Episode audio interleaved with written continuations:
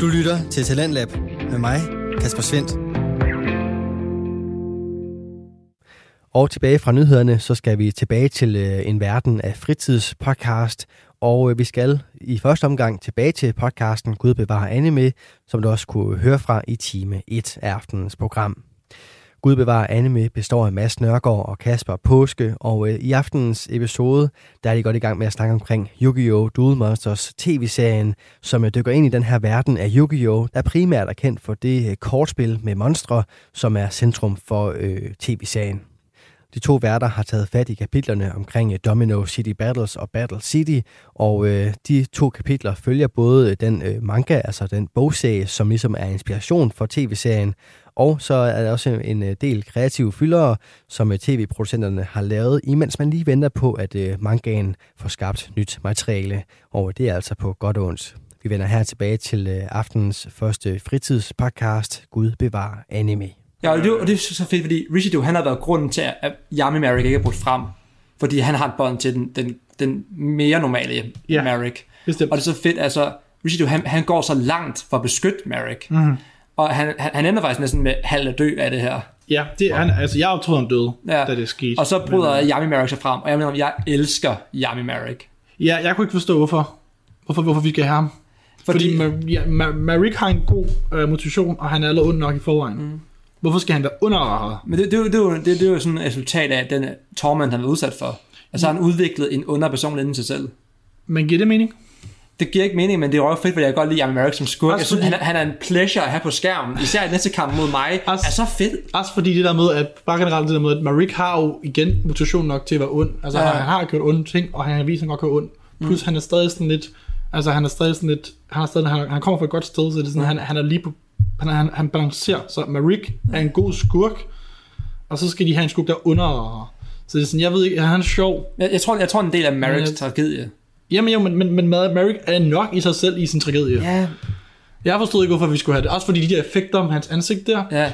så komisk ud. Jeg, jeg elsker det. Jeg synes, det ser, det ser, ja, det ser, det ser billigt ud, og det ser komisk ud. Jeg så grin første gang, det skete. Ja, ja, ja, altså, kan du sådan der, hvor de laver der bobble ansigt, der bare, bare større. Ja. Og var sådan, okay, okay. Ej, jeg synes, det er fedt. Nej, jeg, synes, det, jeg, synes, jeg, jeg kunne ikke helt forstå, fordi... jeg har ikke noget mod det, fordi han er sjov nok, und Merrick, men jeg kunne ikke helt forstå, hvorfor vi har brug for det, om vi havde brug for det. Ja, men, ja det må, der må jeg så være uenig med dig, for jeg, det, jeg, jeg elsker ham. Det ja. at være. Men så har vi den næst sidste kamp. Jeg skal lige pointere, und Merrick ja. er faktisk en, han er sådan taget for, han er en skurk, der som føles som han er taget for Dragon Ball. Ja, okay. Og Rishidu føles som han er taget for Jojo.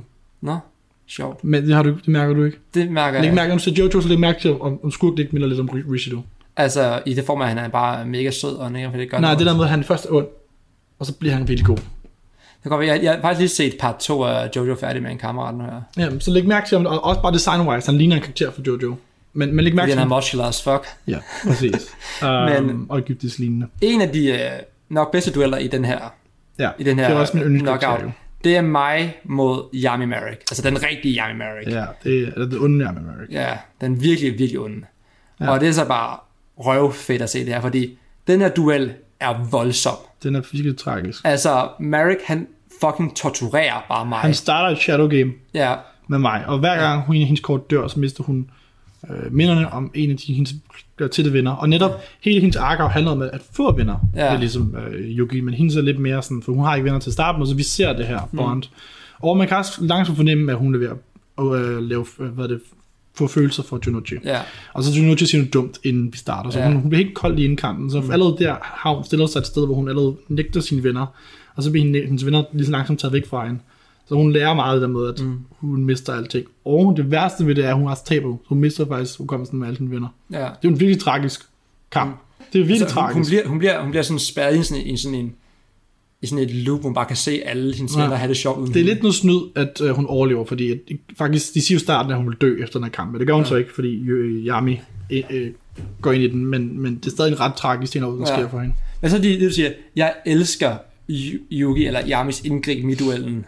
Ja, det synes jeg er så epic, fordi han gør det to gange. Ja. Først laver han et mentalt indgreb, hvor at han, øh, hvor, Mar- hvor, mens Maja vil miste alle sine øh, venner, alle sine minder, så stiller han sig op på sådan en, den her figur her. Mm. Der er bare et eller andet vildt over at se Yugi med sådan en backlighting på, hvad hans meget ikoniske silhuette, når han bare står der. Ja. Det er episk at se på, synes jeg. Det, er- det, vil sige, det, det, det er fedt, synes jeg. Alright.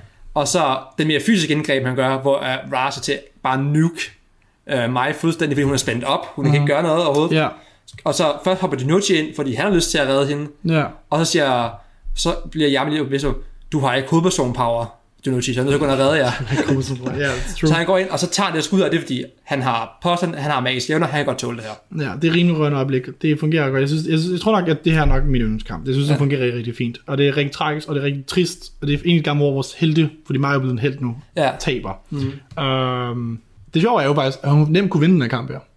Det, er, det hun tager på, det er, at hun bruger Ra. Ja, Og forresten, jeg har også Ra her. ja.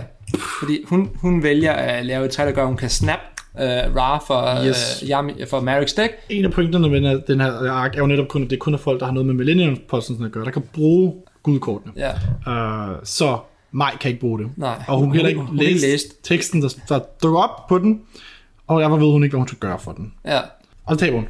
Ja, Det er derfor, hun taber. Så hvis hun aldrig har brugt den, så har hun faktisk vundet. ja. Øh, så det er sådan, det er det jo. Det er lidt trist. Det er rimelig, det, det, jeg tror nok, jeg græd lidt. ja det, altså, det, man begynder at kunne lide mig mere og mere, synes Ja, jeg. men igen, det er jo min yndlingskarakter. Ja, Det er det stadig. godt. Er du klar til sidste Det, duel det, den det er her? en ligegyldig kamp. Ja, Jeg havde den. Kaiba mod Ishizu. Jeg havde den. Hvorfor havde du den? Fordi den er ligegyldig. Fordi Kaiba er jo en anta- antagonist til vores ja. held Yugi. Ja, Så der er jo ikke noget tension i, at han muligvis kan tabe til en, og kan se i fremtiden. Mm. Altså det bliver sat op som det, åh oh, nej, nu taber han. Men det er sådan, vi er jo ligeglade med, at Kaiba taber. Fordi hvis Kaiba Ja. taber, så bliver det en nemmere kamp for Yugi. Så Kaiba skal jo vinde, fordi. I- hvad det, Ishizu kan jo ikke være en ny skurk Nej, det for kan man ikke. Yugi. Nej, det kan man Også fordi Ishi- Ishizu har jo en god motivation. Ja, Så man jo næsten hellere have, at hun vinder. netop. Men det er bare sådan, så det er sådan, der er ikke noget, altså jeg vidste jo med det samme. Det, det vil jeg sige, de to første kampe i hele den her serie videre, hvor jeg ikke vidste, hvem der vandt, det var øh, Junochi mod Rishido, mm. og mig mod Yami. Der var jeg simpelthen usikker på, jeg var rimelig sikker på, at Yami Marik nok skulle vinde. Ja, fordi han er sådan the main man. Yes, men jeg var så i tvivl, fordi jeg ville ikke, fordi det var det der med, at, at øh, konsekvensen det ville være, at mig døde. Så det var sådan lidt, det tror jeg ikke, de tør. Det gør de heller ikke, men, men mig tabte stadig. Ja. Så Ja. var, de to kampe var de første kampe i hele den her serie, jeg har været i tvivl om, hvem der ville vinde. Jeg vidste, at Kaiba ville vinde den her kamp, og jeg var ret ligeglad. Og den fungerer heller ikke plotwise. Det er sådan, den, den eneste, der fungerer, er jo kun for at vise, hvor stærk Obelisk, for at minde om igen, hvor stærk Obelisk er. Men han har faktisk været tabt på en obelisk, og så vælger han at ofre sin obelisk for at få Blue Eyes på banen. Okay, så er der selvfølgelig noget lidt med noget, noget karakterudvikling der også, selvfølgelig. Ja. Ja. Det, det er du selvfølgelig en pointe ved. Men stadig, at, at det er sådan, den, den, den, jeg ved ikke, jeg var bare overhovedet ikke tension i den for mig. Altså, Nej. det var bare, det var bare, det skulle bare overstået. Det er fandme, der, den er også sådan placeret det tit sådan lidt, undskyld at det her vejen, ikke? Ja, og det er også bare sådan, Ishizu er jo heller ikke, hun har ikke været med i preliminary, så hun er bare så ligegyldig på en eller anden måde. Ja. Altså, og, og, det eneste, det, Men hun er ikke ligegyldig, for hun, hendes mission er jo at, at, at redde sin bror. hun, hun er et plot point, hun er ikke en karakter. Ja, måske, ja. Så det er sådan, hun er virkelig ikke vigtig. Hun har ikke fået noget byg, opbyggelse andet end de få scener, de lige kunne undgå til hende. Ja, du har ret. Øh, skal vi snakke om, nej, vi har ikke tid til at snakke om, om, om Mariks baggrundshistorie andet end det, vi har nævnt. Ja, han er, vi har egentlig kommet godt omkring det. Det Vi, kan, vi, kan, vi, kan, vi kan snakke Ja. mere om den i part 2. Jeg synes heller ikke, at den sidste kamp synes jeg ikke er særlig vigtig at pointere. Ja, vi har lige en sidste showdown mellem uh, Bakura og ja. Marek. Det er jo bare det der med, at, at Bakura dør, Ja, teorien. Altså han er stadig inde i, i, Yugis og Yamis øh, Puzzle. men det er bare sådan, at nu er han der ikke mere. Nu, nu, mm. Og jeg tror, det er mere for at give fokus på Merrick, at Ja. kamp er der. Men det føles som en mærkelig slutkamp, fordi det var jo ikke intens. Altså jeg var Nej. ikke... Altså, Nej. jeg var ikke Jeg synes ikke, det, det sjove der normalt er med, med en kamp mellem to skurke, mm. det er ligesom at vise, okay, de her kræfter har de, så de mm. kræfter kommer de til at bruge mod os helte. Mm. Men det, det kan de ikke rigtig gøre her, for det er jo kræfter, de bruger, det er jo kortspil. Og ja. det er sådan lidt kortspil, og alligevel allerede bygget på du ved, kreativitet og sådan lidt ja. random ting. Random bullshit go. Ja, så det er sådan, en, altså, det er sådan et, der er ikke noget i den her kamp, jeg tror, der kommer til at blive overført til kamp, når, når, når Yuki endelig kommer til at møde ham. Så det er sådan, det, for mig var den ligegyldig. Um, andet end resultatet. Så nu, Battle City part 1, mm. det er blevet noget vendt og drejet nu, Det er det. og nu skal vi rangere arken. Og jeg tror, at taler for begge to siger, at det er ikke så svært, den her. Nej, det er den Den, bedste. den er den bedste indtil videre. Men det er problemet, det problemet, der er eneste, der ligesom er con for mig det her, det er faktisk længden. Det er der med, at nu har vi været igennem Duelist mm. Kingdom, og nu har vi været igennem Battle City, som begge to er 40 episoder, Ja. hver deres, hvor det bare sådan, personligt, jeg er virkelig begyndt at, at kede mig med kortspil. Ja. Så det er sådan, så, så Du har masser af episoder tilbage i dag nu. det, er det, det er det. Så det eneste, der, er sådan, der, der ligesom kunne gøre Battle City værre, det er bare det med, at det, det er nummer to. Mm. Så det er sådan, ikke, den skal hele tiden opfinde noget nyt, fordi vi har set Ja. ja. kortspillene. Uh, men jeg synes, den gør det fint, og den er helt klart bedre end Duelist Kingdom. Men jeg kan godt mærke, Altså, vi skal til at have nogle nye ting. Er faktisk ved at blive rimelig træt af kortspil. Hvor er du bedre til en lille fældeark, vi får nu her, jo? Nå, nej. Jo, du kan. Jamen, det gør det jeg ikke. skide sjovt. Men ja, ja, den er bedre. Der, det er helt klart uh, Battle City Part 1, Duels Kingdom, og så... Domino City Battles. Og det tror jeg, vi er enige om, ikke? Ja, det er vi ret enige om. Fedt. Der er ikke så meget at snakke om der. Nej. Men nu skal vi til, igen, vi når til et fast segment, hvor vi skal rangere nogle opening og endings. Ja, ja, vi skal ikke rangere endings. Nej. Hvad synes vi om endings nu? Altså, og igen, ja, vi gør det bagbanen. Vi starter med endingsen, for det er der mindre at snakke om der. Yes. Pass Ending- og smash. Endingen, den bliver et pass for mig. Den første ending, som jo er Ja. The Afternoon of That Day af Anohi no Ja, Gogo. den er også pass for mig, fordi jeg synes ikke, den er, jeg synes det er klart, den er bedre end Shower of Happiness, Ja. men den gør ikke noget. Den Nej, er kedelig. Jeg synes, der er nogle mærkelige billeder af dem, altså Ja. fordi at øh, det, Junoshi, han synes, ser lidt for tæt ud. Mm. Øh, og ja, igen er der bare flere billeder af et nyt kostume, fordi jo, jo flere kostumer vi kan få ind i, jo bedre. Ja, altså, og så Men- kedeligt, det er med, vi bare sådan, vi scroller bare opad. Det er sådan, Ja. who cares? det gør ikke så meget. Men den her opening, vi har her, Shuffle af Yes. Masami Okui, I love it. Okay, jeg synes også klart, den er bedre. Altså i forhold til øh, øh, vores tierliste, som jo er Sage Mode, Absolute Banger, Banger, Catchy, Dead Center. Er du helt sikker på, at du prøvede? Mm. Og Fail. Så vil jeg have lyst til at putte den i Absolute Banger, men jeg vil gå med til Banger. Der er jeg ligger med det. For jeg synes, Shuffle den er virkelig, virkelig god. Okay, men jeg skal lige vide, placerer du, hvis du selv, altså uden mig, skal placere den, så har du så placeret den A eller B? Så har jeg mm, nok puttet den i A. Okay, fordi jeg placerer den i C. Ja. Jeg synes, den er catchy. Jeg synes, den er klart, den er bedre end, øh, end, end Voice. Jeg synes ikke, den er bedre end så meget andet. Øh, og den er også kun catchy for mig. Det er ikke sådan en, ikke en genre, jeg elsker. Altså, jeg, jeg er Ja. glad for, at den kom på, og jeg lyttede til den, men det var ikke, fordi jeg så frem til den. Nå, wow. Øh, og den er catchy. Den er catchy. Den er ikke dårlig. Den er catchy. Den er heller ikke fantastisk. Jeg synes ikke, det er en banger. Så hvordan vil vi placere den? Så du sagde, at du placerer den i A, jeg sagde, at du placerer den i C. Så må Ja. det være en B, jo. Jeg, jeg, jeg ligger lige på kanten der mellem B og A, men nok sådan 51% A, 49% Altså, hvis du placerer den i B, så skal vi til at snakke om, den skal være C eller B, jo. Hvis du placerer den i A, så bliver den B. Og så placerer den i A, for at få en ny B. Så er den B. Fint, så er den placeret i B. Så har vi en, en D og en, B indtil videre. ja, Det kan jeg godt komme med til. Det er fint. Jeg synes også, også fordi den er bare en opgradering. Jo. Også animationen i OP'en er også bare bedre. den er blevet meget bedre. Men jeg synes ikke, den har så meget symbolisme. Jeg synes bare, det er meget straight on, hvad det er. Det er en Battle City. Vi ser kappe på skærmene. Det skal være sige i serien. Mm. De hopper mellem deres kort. Det er bare det. Ja. Altså, der er ikke... Det eneste symbolisme dybt der er i, det er, når Yami kommer ud af stentabletten. Ja. Det er sådan set det. Sådan Jesus også. Ja, og også på den måde, hans hukommelse eller minder er jo inde i den på en eller anden måde. Ja. Øhm, altså overført betydning. Mm, Så ja, udmærket. Og så har han også en dejlig del. ja. Og så er det sjovt, at hun overhovedet ikke kan udtale de engelske ord. Hun kan hun, hun, hun udtale winner. Nej. Hun siger bare win. You are the win. Nå. Ja. Nå, ja, fint. Vi er egentlig ved at runde af nu. Det er vi. Vi er færdige for i dag. Så vi er færdige med Yu-Gi-Oh! Vi skal se. Attack on Titan Det skal endelig. vi. Vi skal i næste omgang, så vi ikke ved, hvornår bliver nu, der skal vi have vores første rene filler-ark, Mm, som er Virtual World. Det gode ved det er bare, at der ikke er så mange episoder. Det er episode den er kort, den er 98 til episode 129. Nej, 100, jo, 121. 121 eller 122 deromkring. Jeg tror, det er 21. Okay. Tusind tak, fordi I lyttede med. Mit navn er Mads. Jeg har siddet med. Kasper Wigman Påske. Ja, og øh, ja, jeg siger tusind tak, og vi lyttes ved, når vi engang har fået set Virtual World-arken. Du lytter til Radio 4.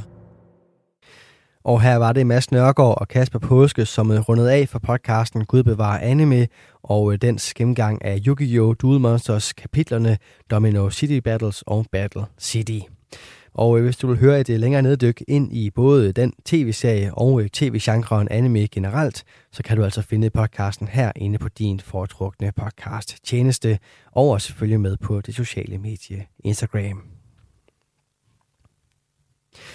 Begge steder, der kan du også øh, finde aftenens næste fritidspodcast. Den hedder En ting ad gangen, og består af Vilas Jacobsen og Tobias Bjerg.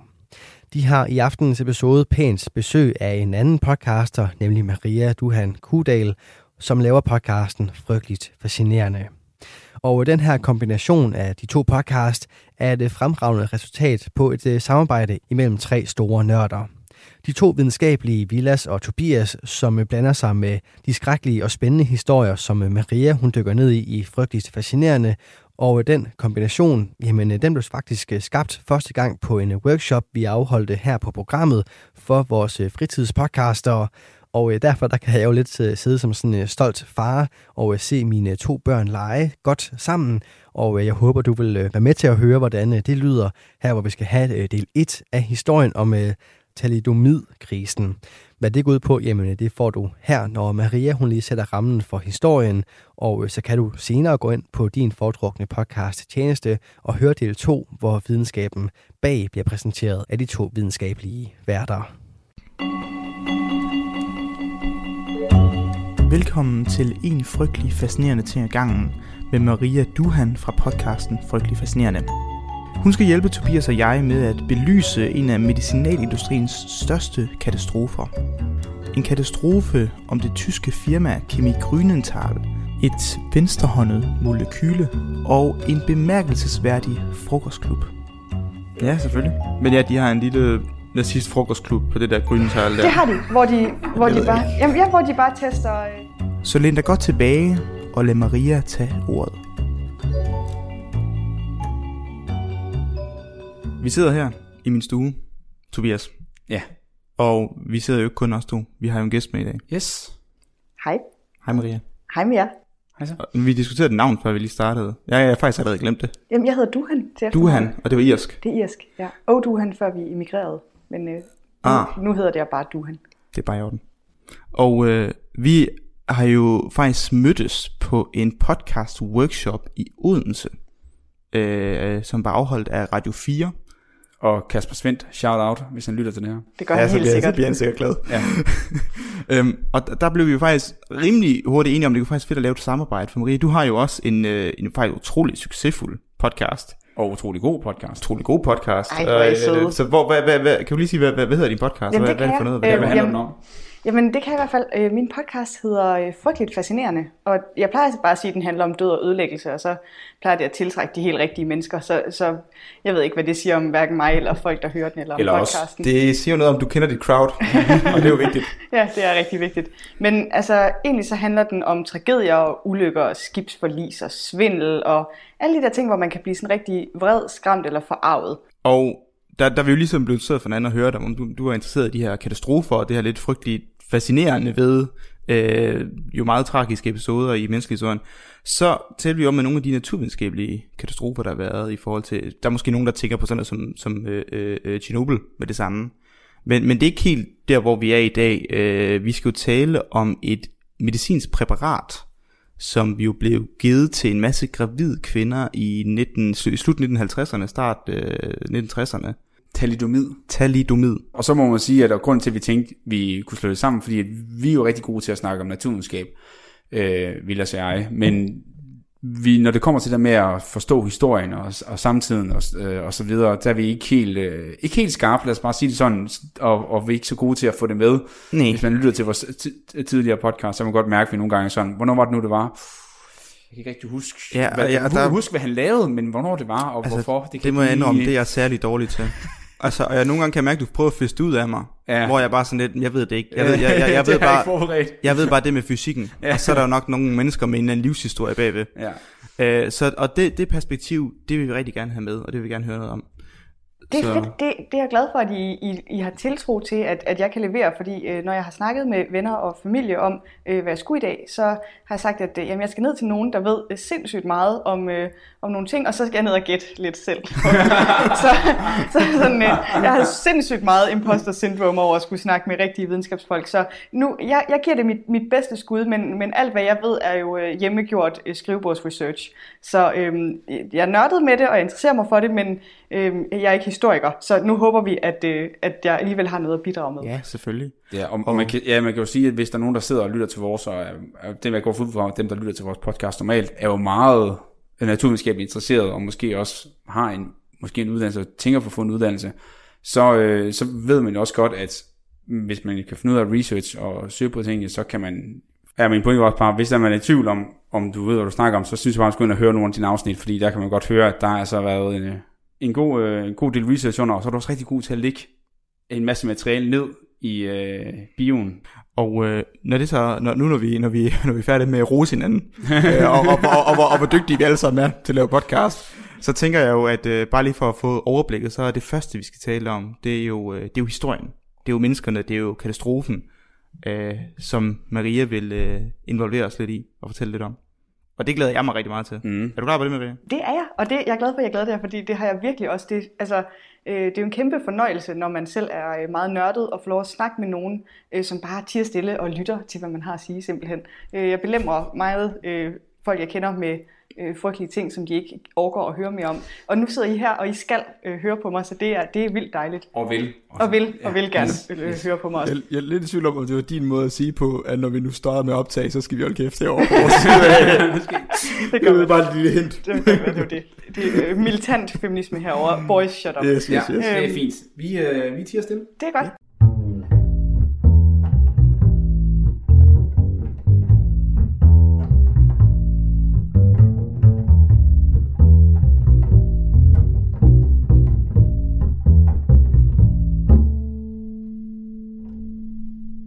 nu skal vi, øh, vi skal tilbage til 2. verdenskrig øh, faktisk, og øh, for de ikke så historiekyndige, så er det i øh, slutningen af 30'erne, starten af 40'erne.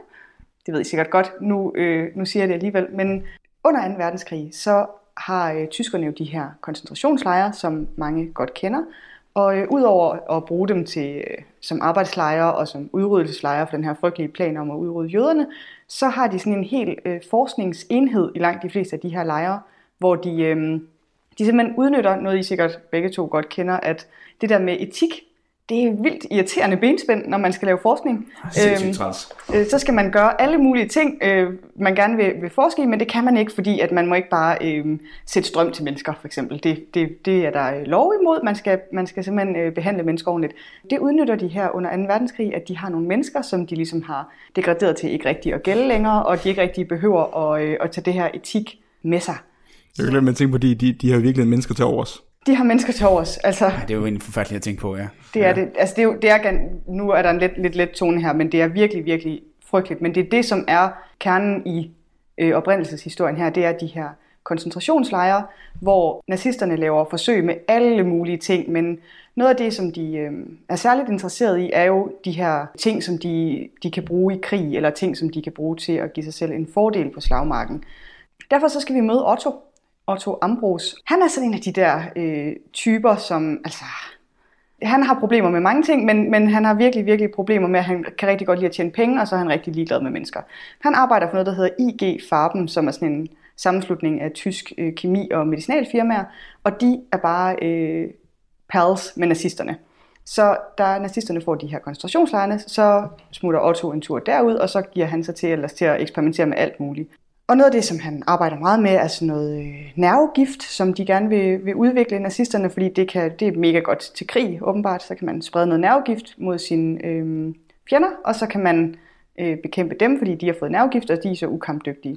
Men nervegift, er det, skal det forstås sådan, at de, at de simpelthen ikke kan, kan føle, eller altså, hvordan? Se, øh, det, det er den slags spørgsmål, hvor jeg har læst nervegift, og, øh, Mm. og så har jeg tænkt, det, det, Men- det er en gift mod nerverne. Men, Ah, man, ja. man, ja, og det, er- det er lige præcis rigtigt. Altså, hvis man skal forstå nervegift, så er det egentlig bare, når man laver gifte af en art, så er det jo meget af det, det rammer forskellige dele, og så kan du fx ramme nervesystemet, så det smarte ved at ramme nervesystemet, det er, at du fx kan lamme nogen relativt nemt, for hvis du sætter det ud okay. af kontrol, så kan du ikke bevæge dig.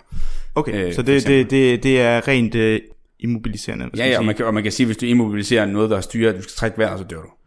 Ja, det kan du så ret i. Ja. Se, det er fedt, ikke en ægte ekspert, som rigtig faktisk ved, ved, hvad han Nå, snakker om. Så, så, men, men, det er jo, men det er fuldstændig rigtigt, det er jo sindssygt, og det er jo en, en af grundene til, at man heller ikke må bruge nogen af former for at de her gasser og nervegifte. Mange af dem er jo gasser, hvor du inhalerer dem, så får du simpelthen spasmer og krampe, og så dør man af det. Og det er jo en af grunden til, at man ikke må bruge det. Altså det er jo, sådan, det, er jo det, der er vildt, når man tænker med krig i dag også, at der faktisk er lov for, hvordan du må dræbe andre mennesker. Du må godt skyde dem, men at bruge gas, hvor det så... Altså, så det må man heller ikke, for det er simpelthen for umenneskeligt. Ja. Men det har de jo så ikke synes. I, Øh, de har i hvert fald forsket i det. Mm. Øhm, noget, der hedder sarin. Og øhm, til en gift, så har man jo brug for en modgift. For hvis man øh, smider nervegift ud over en eller anden slagmark, som du så siger, så mm. en gas diskriminerer ikke mellem, hvem den sådan inficerer. Så hvis man så skulle være så uheldig, at ens egne soldater kom i kontakt med det her, så har man brug for en modgift.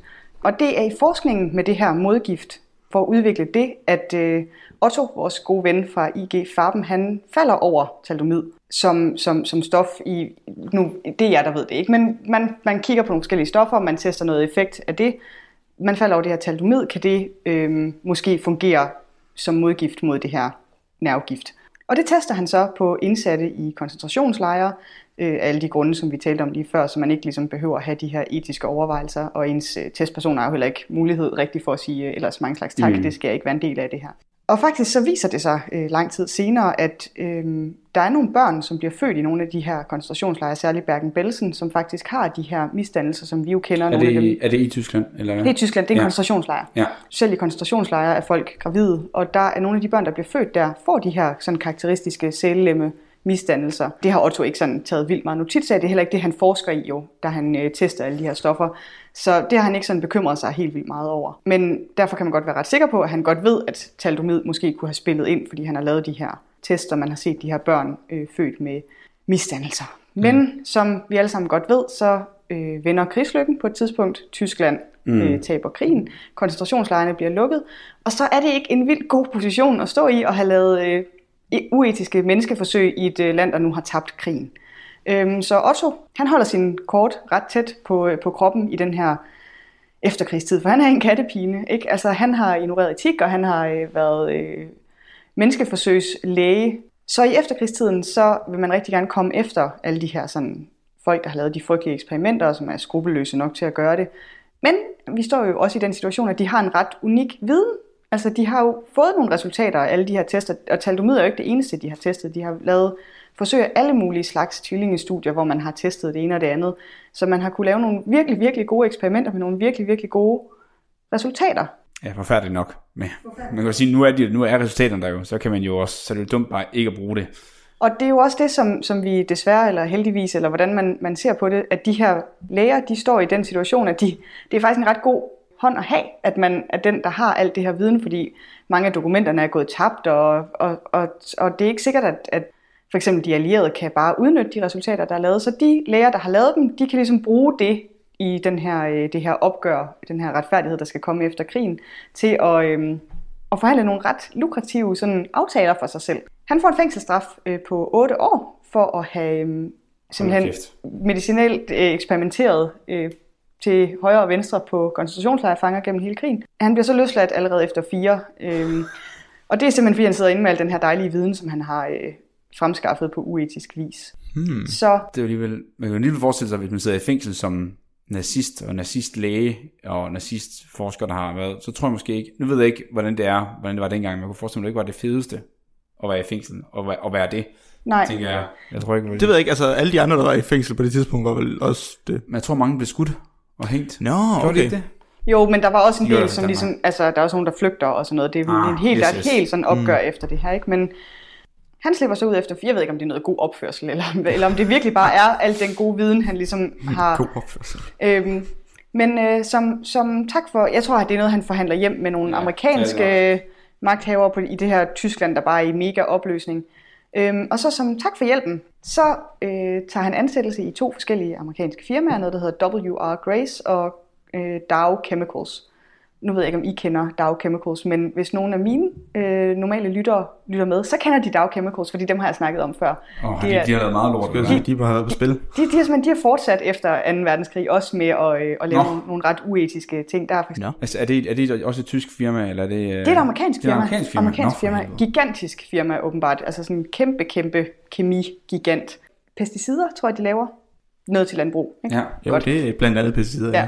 Ja. Øhm, se, så, så er vi tilbage ved der, hvor jeg bare sådan slynger et eller andet ud, som jeg tror, jeg ved. Men det, det, det, er, en, det er en værre øh, møgssag, så det undrer ikke nogen, at øh, det lige er Dow Chemicals, som tænker sådan noget god nazistviden. Det, Ja, ja, det kunne man lige få. Øh, Findes de nu? de findes endnu. Ja, ja. Jeg, jeg sidder lige og tænker på, lige da du sagde det, jeg tror, jeg har været inde på deres hjemmeside for at kigge på nogle, øh, jeg, skulle, jeg, skulle, jeg skulle selv indkøbe nogle kemikalier. ja. Øh, og så tror jeg, ved, bare havde søgt på det, det, det molekyle, jeg, jeg, jeg, som jeg skulle have. Ja. Og så kigget på forskellige vendors, og jeg tror, jeg kiggede på Dow Chemicals også. Altså nu vil jeg jo ikke sige, hvor du skal øh, bestille din Jeg har ikke, jeg, jeg, har ikke, jeg, jeg har ikke købt for dem. Men Dow Chemicals, de er, de er satan selv. Altså, de er Damn. virkelig sådan, de har ingen etik med noget wow. som helst. De er, sådan, de er sådan et af de der firmaer, der sådan, i stedet for at kompensere ofre, når det går rigtig galt, så bruger de flere penge på bare at rebrande sig selv, sådan så de får et bedre image. Altså, Hold da. Altså, Efter- ja, altså der, der vil jeg så lige love, jeg snakker, jeg, jeg, jeg, jeg køber ikke noget for dem. det er godt at høre. Altså, Sådan. Stand up. ja, Make the change you ethical wanna see in the world, her, ikke? Altså, Ja, ja, ja, de er virkelig sådan. Men der, der får han altså det her, øhm, det her job, hvor han arbejder for nogle amerikanske kemifirmaer, Og så øh, kører han ellers øh, karriere i USA, indtil han så i 1956 kommer tilbage til Tyskland og bliver ansat hos Kemi Grünenthal. Mm. Og øh, det ringer en klokke. Ja, så ringer det en ringer klokke. en klokke, fordi at øh, Grünenthal, det er nogle af dem, som kommer til at spille en rolle i resten af afsnittet. Det kan jeg godt allerede, øh, allerede afsløre, fordi at det han præsenterer, da han kommer ind i Grünenthal, det er hans stof thalidomid. Alright. Så, så det vil sige, at han er simpelthen gået med den der, um, vil sige, han er gået med den viden omkring thalidomid, blandt andet, ud over mange andre ting, og så har han ligesom ventet, ventet på et, sit, sit moment. Det har han. Han har, han har spillet sin kort hos de firmaer, der, øh, der har ville have ham, og så har han ligesom solgt sine idéer til højst. Kæft, en forfærdelig Jeg mand. kan ikke lade mig tænke på at vide, hvad han har vidst om det stof, fordi han har jo ikke vidst det med, med, med, med børnene. Altså du, du sagde, der har været et tegn på det, men, altså, men det prøv er ikke sikkert, at han har, altså det kan godt være, at han har vidst det, men, men jeg tror, hvis han har skulle sælge det her stof til et nyt firma, right, han siger, du ved, han tager sine hemmeligheder med sig, så at sige, øh, så vil han jo ikke sige, hey, jeg har fundet det her stof, der, der kan deformere børn. Altså han har jo troet, at det kunne bruge til noget, den viden han har haft, han har jo troet, nu kan vi bruge det her stof til et eller andet. Ja, altså, det har, også- har han selv foreslået det fra starten af, som et, et virkemiddel til at morgenkvalme, eller, eller, eller, eller andre nervesygdomme? Det må eller? have været sådan noget, fordi han har i hvert fald, altså det som de ligesom har for, brugt det til, dengang de forskede i det, det var fordi de troede, det måske kunne bruges som modgift mod nervegift. Så han har ligesom tænkt, at det kunne have sådan en eller anden positiv effekt på den måde. Og En så er sm- han, smertelindrende effekt. Ja, givetvis, eller lindrende af noget andet. Øh, Øhm, så derfor Okay, så tager han okay. det med ind til Kimi Grünenthal, og øh, der, der bliver han så ansat, og det gør jo også øh, nogle andre øh, rigtig fine fyre. En gut, der hedder Heinz Baukøtter, som også er cheflæge i en koncentrationslejr, der hedder Mauthausen, og en dr. Ernst Günther Schecht, som øh, forsker i ernæring for SS, og som også udvikler sådan noget proteinpølse, som de, kan, de skal bruge til soldater, men som man også har forsket i på fanger i koncentrationslejrene. Okay. Øhm, og i processen så øh, dræber han ret mange af de der fanger, fordi han tester alle mulige skøre ting, som man får dem til at spise. Øhm, de bliver så også ansat i det her kemi Grünenthal. Lige et hurtigt uh, indskudt spørgsmål. Det her, det må foregå i Østtyskland.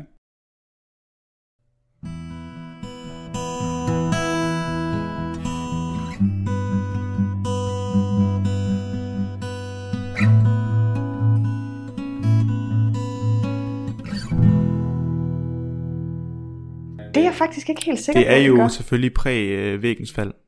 Det er jo det, du tænker på. Ja, det er det, jeg mener, fordi jeg, jeg bare tænkte, hvis nu de har, øh, hvis, hvis, de, hvis de, jeg tænker ikke, at Vesttyskland bliver så super meget med nazister at gøre, men det kan godt være, det er Det bare vil mig, der- Østtyskland, Øst, Østtyskerne altså heller ikke. Nej, det det, vil det, de det, du, du tænker, at de også var cool skøre, men, men, men Stalin var altså ikke nazi-fan. Nej, det, altså, han det er har også klart. været i det er ret meget klart. krig med Det Hitler. er jo ikke? klart. Så det er sådan... De er bare, okay, så det vil sige, at de er faktisk alle, alle sammen røvhuller, egentlig. Øh, De er i hvert fald, de, du ved, det er det her øh, dilemma mellem al den her gode, gode øh, viden, som man har, som er fremkommet mod de her helt unikke forhold, ja. som aldrig kommer til at opstå igen. Vi kommer aldrig til at kunne eksperimentere på mennesker på den måde. Forhåbentlig. Forhåbentlig. Øhm, hvor meget af det skal vi lade gå tabt for at straffe de her mennesker, som virkelig, virkelig har, altså guderne skal vide, har brug for at blive straffet, ikke? Ja, selvfølgelig. Men ja, de har en lille nazist frokostklub på det der grønne tal der. Det har de, hvor de, hvor de bare, jamen, ja, hvor de bare tester, øh, de, de, de tager deres, øh, deres uetiske viden ind, og så begynder de at udvikle lægemidler. Det er det, som det her Kemi Grünenthal gerne vil satse på i fremtiden. Okay. De vil gerne udvikle lægemidler. Øhm, og faktisk allerede samme år, i 1956, så bliver det første talidomidbarn, jeg, nu kan, det kan man ikke øh, høre, men jeg sætter det i citationstegn, fordi på det her tidspunkt bliver det jo ikke registreret eller Nej. noteret Mhm. eller dokumenteret på nogen måde, men man er ret sikker på, at det første talidomidbarn faktisk bliver født allerede i Så er 1956. simpelthen gået tilbage og fundet nogen, som har nogle af de der øh, Ja. lidelser. Og det her det er så simpelthen et barn, som bliver født af en medarbejder i Kimi Grünenthal, som har taget stoffet mod sin morgenkvalme. Ah. Øhm, så simpelthen i, i helt opstartsfasen, før de overhovedet, de kan ikke have nået at teste det. De har bare taget de her nazigutter ind, og så har de sagt, hey, vi har det her stof, og så er nogle af medarbejderne simpelthen, altså, Vildt, de har haft det forhold, at medarbejdere bare har kunne få lov til, eller de måske har givet medarbejdere noget af det her eksperimentelle stof. ja, ja, og det er, øh, altså, jeg Det- ved ikke, om det er ja. noget øh, efterkrigstid, eller om det er noget øh, øh, 50'er øh, mentalitet, eller, eller Ja. hvorfor det har været på den måde, men det er, det er det første, sådan, den første ægte case, man øh, altså retrospektivt er fået, har fundet Ja, frem til. ja, ja. Du lytter til Talentlab med mig, Kasper Svendt. Vi er i gang med aftenens andet podcast afsnit her i Talents Lab. Det er programmet på Radio 4, der giver dig mulighed for at høre nogle af Danmarks bedste fritidspodcast, der deler nye stemmer, fortællinger og måske endda nye holdninger. I denne omgang der kommer det fra en øh, podcast kombination af En til en gangen med Vilas Jacobsen og Tobias Bjerg, og fra Frygteligt Fascinerende Maria Duhan Kudal.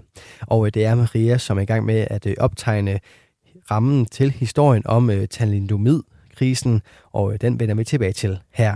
Og så går det ellers ret stærkt, fordi øh, Kemi Grønne, de finder jo, det hjælper på de her medarbejdere, mm. som tager det, og øhm, nu aner jeg ikke, hvordan de har testet stoffet. Det fornemmer jeg, at vi kommer til at tale lidt mere om om ja. lidt. Men efter de har testet stoffet, og at de ligesom øh, har fundet ud af, at det, det virker skide godt mod morgenkvalme, så, så kører de bare fuld markedsføring, og de sprøjter det her stof ud i hele Europa. Og i løbet af altså, 1960, så vokser øh, salget af talidomid bare. Det, det går helt amok. Det bliver solgt i alle mulige lande. Og allerede i maj måned i 1960, så udgør det 46 procent af Kemi Grünenthal's samlede omsætning. Så det er altså sådan... Øh, det er sikkert også, det er sikkert også billigt at lave, kunne jeg forestille mig. Og du kan bare lave en hel masse af det, og ja, så også spytte det ud. Og så... og så kan du bare sælge det, og der er mange mennesker, der har morgenkvalme, de vil gerne have mindre morgen. Ja, der er sikkert ikke andre, kunne jeg forestille mig, medicamenter, der gør noget Gør noget lignende. for det, nej. Øhm, så, så det, på det her tidspunkt er det jo en ret stor sådan, interesse for Kemi Grønenthal, at det her taldomid findes. Det kan man sige. Mm. De er, det, det er øh, næsten halvdelen af deres forretning. Jeg sidder og tænker her, bare lige, bare lige for at gøre det clear. Det er jo selvfølgelig ikke fordi, at alle børn, der bliver født, har de her defekter. Altså alle, det er jo ikke, vel ikke alle kvinder, der er taget taldomid, der får deformbørn. Nej. Altså bare lige for, for, bare lige for, for at undersøge, men hvorfor det, men... er det ikke blevet opdaget hurtigere? Øh, det er der selvfølgelig mere årsager til, men jeg mener bare, at der er jo altid en anden statistisk sandsynlighed for, at der så er en defekt. Bare lige for at sige, at obviously, hvis 100% af alle folk, der tog det mod morgensyge, fik defekte børn, mm.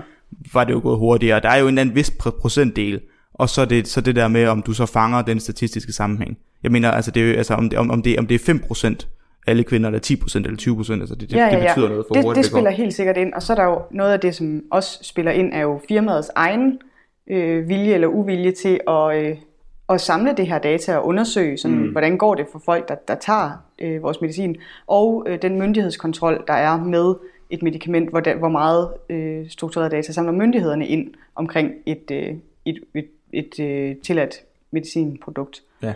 Men det første, som sker efter, at Kemi Grønthal begynder at sprøjte det her ud over hele Europa, det er faktisk ikke, at man ser misdannelse hos børn.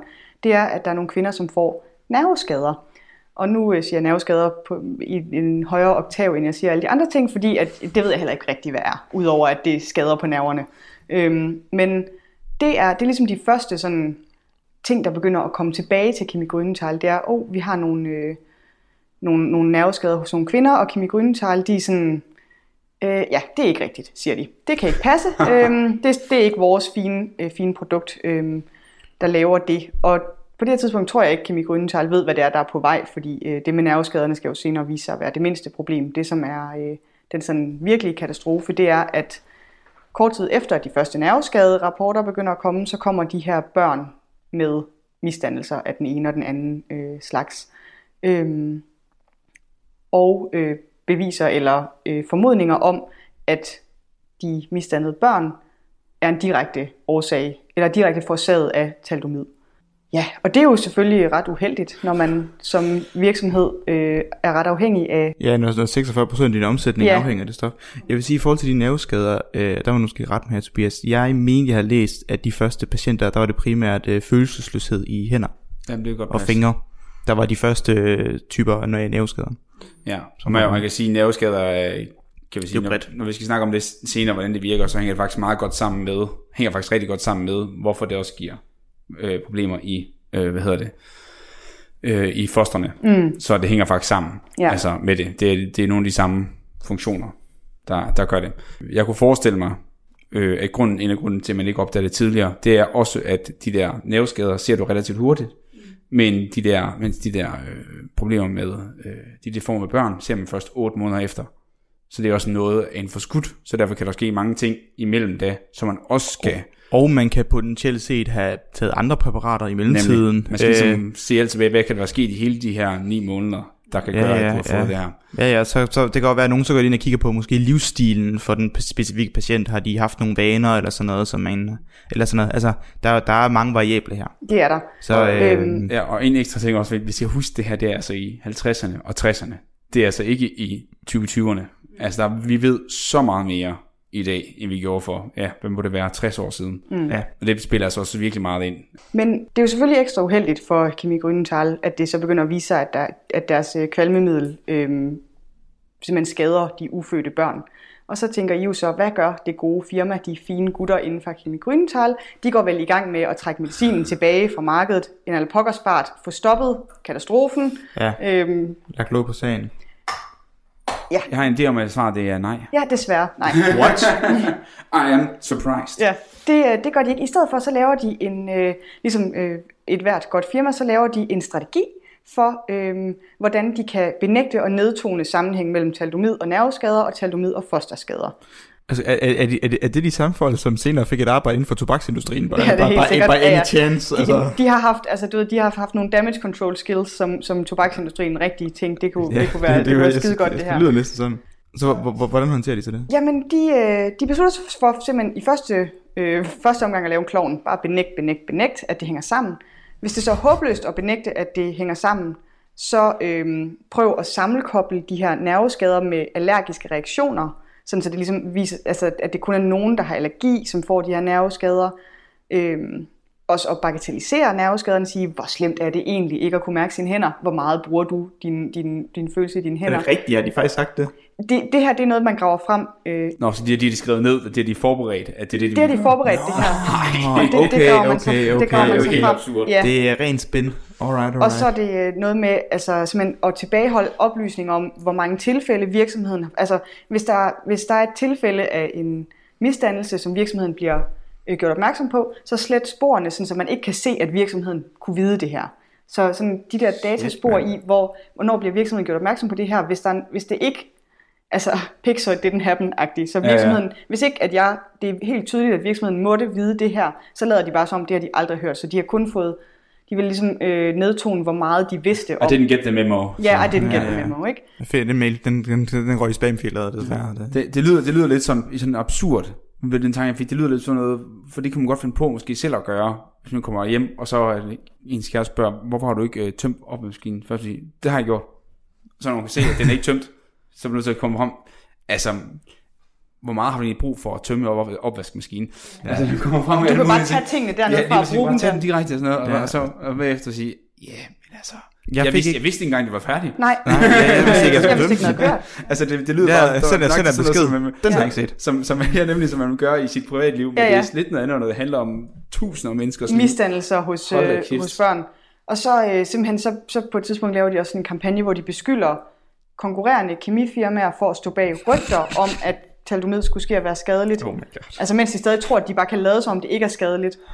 Øhm, og så øh, at skabe forvirring omkring, hvilken type skader det egentlig, der egentlig drejer sig om, sådan så ligesom at, at, at, at sprede nogle falske rygter om, at, at øh, nej, men de skader, man, man får, er, nu siger jeg bare noget, ledsmerter. Mm. Og så siger, er der nogle taldomid øh, ofre, der siger, at vi har ikke nogen ledsmerter. Så, du, så er der forvirring om, hvad er det egentlig for nogle symptomer, man kigger Ja. efter, hvad er det egentlig, Og hvad, hvad er det for nogle patienter, som der har de ledsmerter, eller ikke har de ledsmerter? Ja, ja, og hvorfor så- har du ikke det? Har du så, har du så overhovedet taget taldomid? Det er vildt.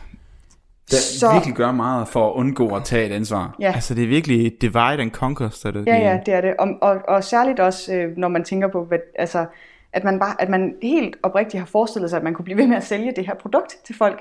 Altså, hvis man bare skabte nok forvirring, og man nok bare benægtede det længe nok, så kunne man blive ved med at have sin, sin indtjening fra, øh, fra taldomid. Og også vildt at tænke på, hvor, øh, undskyld mig lidt, altså syg hovedet man skal være, og bare tænke, fordi de, de, når du siger, de har lavet de strategier, så må de jo godt have vidst, at den er gal. Hmm, men må være det, ligeglade. det, ah, det, det er jeg i tvivl om, om man kan sige. Ikke nødvendigvis, men de har i hvert fald vidst, at, den, at det her kunne, hvis det var sandt, kunne det Ja. ja. komme til at skade dem. Og så er det lige meget, om det er Men- sandt eller ej, ja, vi, skal ja. bare, vi skal bare have det øh, faret af bordet. Jamen, jamen, det, jeg Be, mener, begge dele er jo slemt. Ja, Ja, ja. ja, det er det, jeg Men- mener, men- at ikke acceptere, at der kunne være noget galt. Altså, jeg mener bare, det er jo ikke sikkert, at de har siddet til det der møde, som jeg formoder, at der må have været et par møder, og, øh, hvor de har noter og skrevet ned, hvor de har sagt, oh shit, øh, der er sindssygt mange børn, der bliver misdannet af vores stof, det skal vi lige have dækket af. Øh, det kan godt være, at de har sagt, hov, nu skal I høre her, der er nogle rygter om, af vores stof har de her misdannelser, og det tror vi ikke på, eller vi tror ikke på, at statistikken er der. Det skal vi have lige coveret op det her, fordi det er bare ikke rigtigt. Mm. Så nu gør de noget, der stadigvæk er uetisk. Øh, altså be, begge ting er forkert. Ja, ja, det er bare ja, ja. ikke, det, jeg mener bare, vi kan ikke, vi ved, vi ved ikke, lige nu sidder vi og gætter, fordi lige nu har at vi har mm. en idé om de onde mennesker. Ja. Øh, og det er der så to be fair ret mange gode grunde til at tænke. Der er jo men, men, der er nok men, nogle af de nazister, som der, var, som der er ansat, der er nok heller ikke af de nej, sødeste nej, personer. Altså, så, så vi ved ham Otto, han er i hvert fald ikke en great guy. Eller ham der, hvad var det, Hans? Ja. Yeah. Øhm, så jeg, jeg mener bare, at vi, vi ender også hurtigt med at projektere ja, det er rigtigt. ned på firmaet, det og det kan være, at der sidder nogle andre folk i marketing, som der sad i uh, development. Altså. Mm. Men, men hvor, hvor om alting er, er, er det her uh, historiens uh, stopper for, for Grøndal?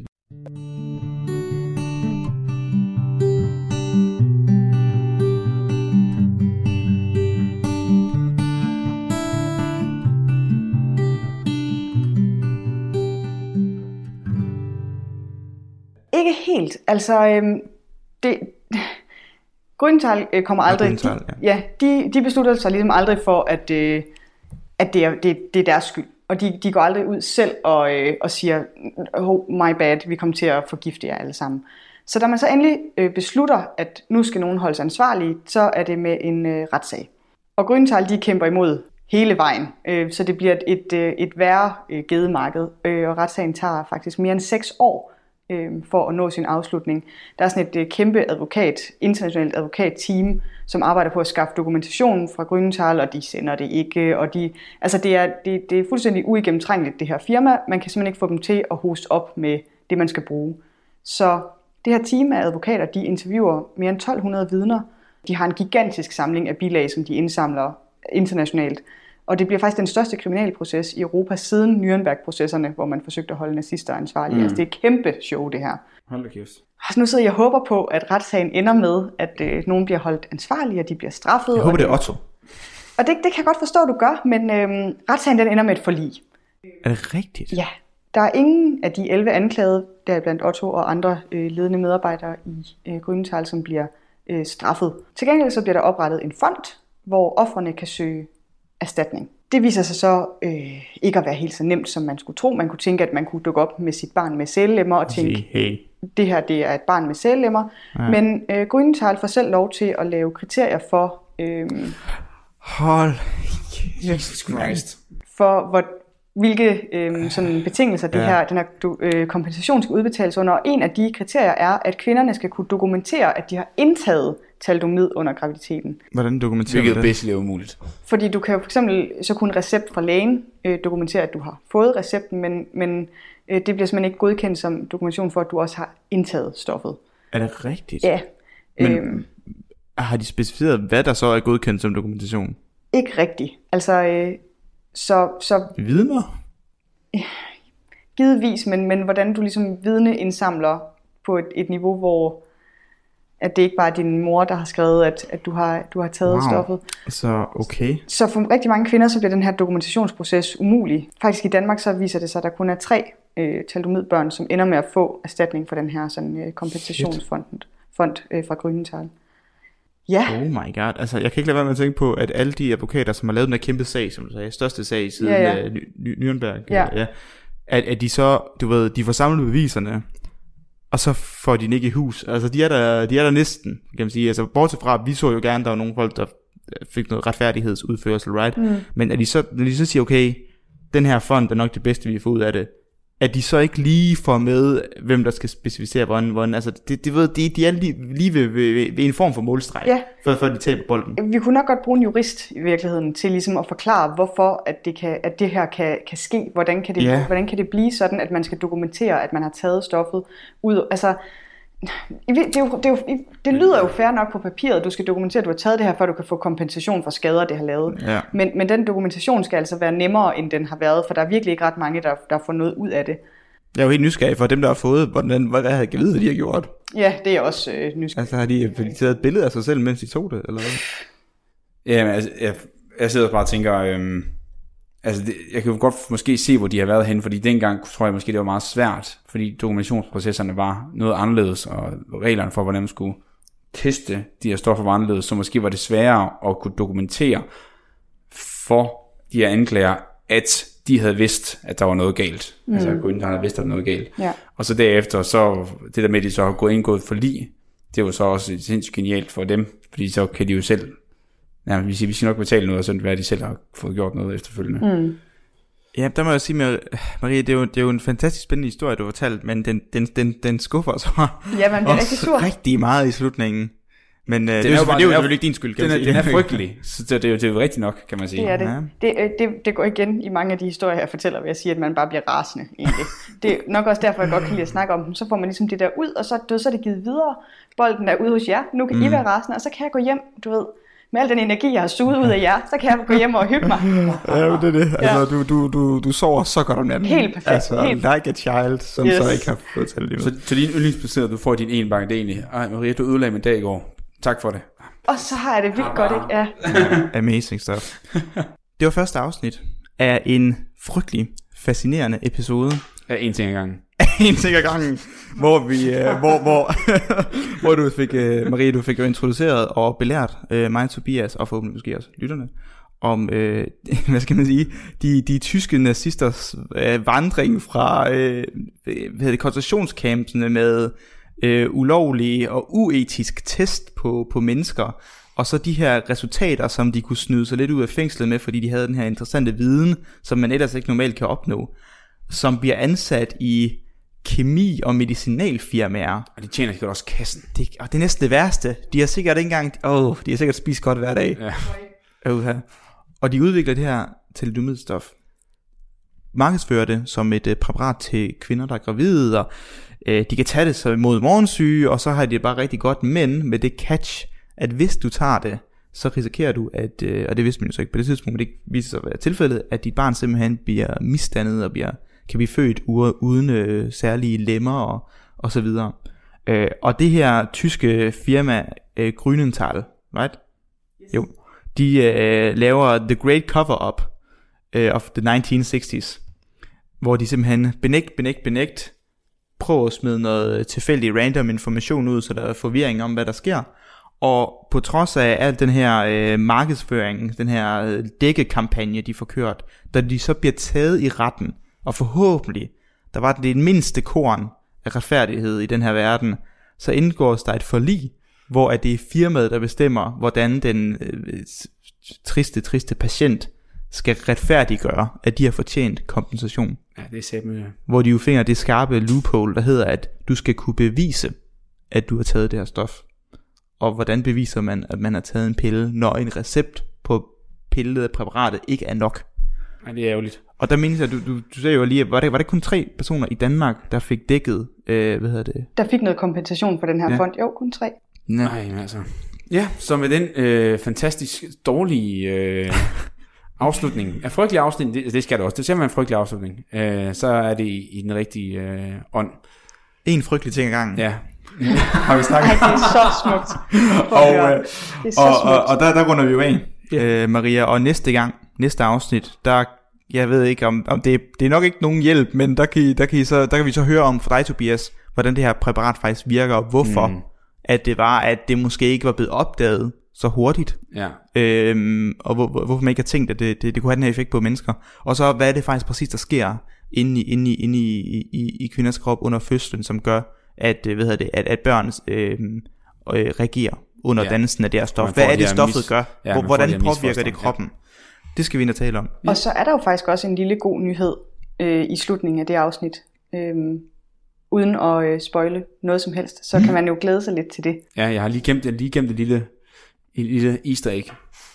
Det er sjovt, fordi jeg, jeg, jeg kan ikke huske, hvad det er. Nej, men det, det behøver du heller ikke, Ellers så kan du høre det i afsnittet, og så bliver vi rigtig glad. det glæder mig til.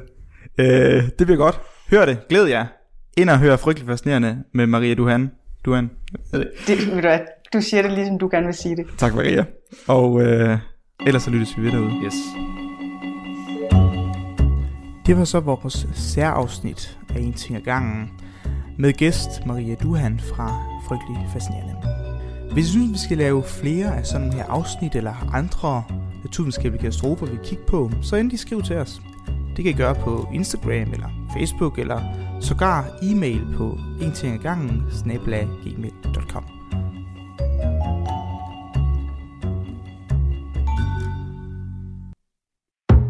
Radio 4 taler med Danmark.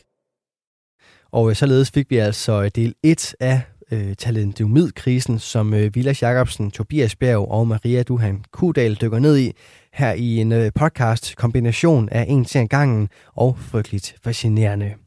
Du kan allerede nu gå ind på øh, en til gangens podcast feed og finde del 2 af den her lille programserie. Udover en til gangen og frygteligt fascinerende, så kan du også øh, finde aftenens første fritidspodcast, Gud bevare anime, inde på din foretrukne podcast tjeneste. Den består af Mads Nørgaard og Kasper Påske. Og det var altså alt, jeg havde byde på for i aften. Mit navn er Kasper Svendt, og øh, du kan finde alle vores tidligere udsendelser inde på radio4.dk og i vores Radio 4-app. Men for nu, der skal du bare blive her på kanalen, for det er tid til nattevagten. God fornøjelse og på genlyt.